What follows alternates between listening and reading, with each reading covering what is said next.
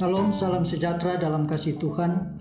Bapak, Ibu, Saudara, firman Tuhan hari ini terambil dari kitab Keluaran pasal 16 ayat 35. Orang Israel makan mana 40 tahun lamanya sampai mereka tiba di tanah yang didiami orang. Mereka makan mana sampai tiba di perbatasan tanah Kanaan. Firman Tuhan pada hari ini saya beri tema mana, roti dari surga.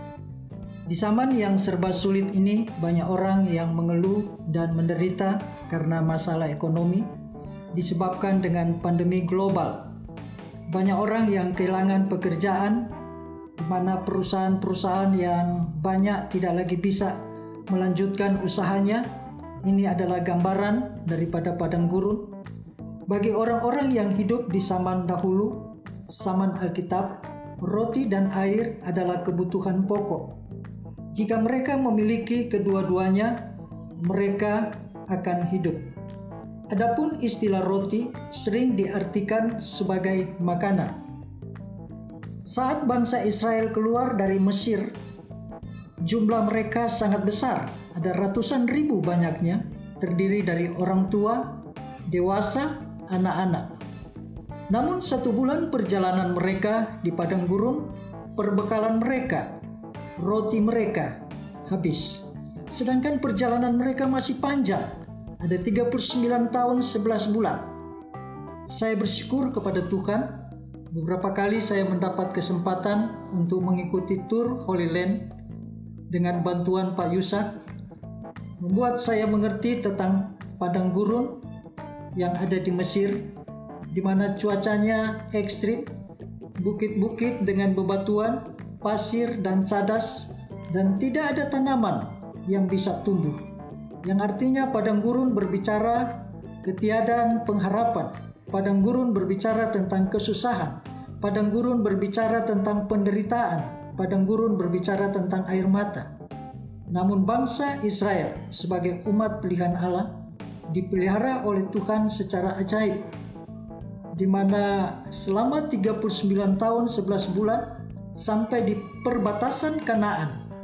Tuhan memberi mereka makanan yang tidak pernah mereka makan di Mesir, yaitu mana roti yang turun dari surga. Saat saudara ada di dalam kesulitan, di mana dunia tidak lagi bisa menolongmu, kepandaian, kekayaan, harta, pangkat, dan jabatan, pastikan Tuhan mengasihimu dan Dia ingin menolongmu dia sanggup mengadakan karena dia adalah Yehova Jireh, Tuhan menyediakan. Pada waktu Tuhan memerintahkan Abraham untuk mengorbankan Ishak sebagai korban bakaran, pada saat mereka sampai di mesbah korban bakaran, di mana Allah menggantikan atau Allah menyediakan korban bakaran domba jantan pengganti Ishak. Kita tahu janda Sarfat di mana Allah memelihara secara khusus pada masa kekeringan, di mana Alkitab mengatakan tepung dalam tempayan dan minyak dalam buli-buli tidak berkurang selama masa kekeringan. Bagaimana Tuhan juga memelihara Elia. Saat ada dalam kelaparan, Tuhan mengutus burung gagak untuk membawa roti dan daging. Apakah hari ini saudara sedang berada di padang gurun? Ujian, tantangan, kesusahan, penderitaan, dan air mata, nantikan Dia. Tetaplah percaya bahwa Tuhan satu-satunya pembuat keajaiban. Selamat berkarya, Tuhan Yesus memberkati. thank you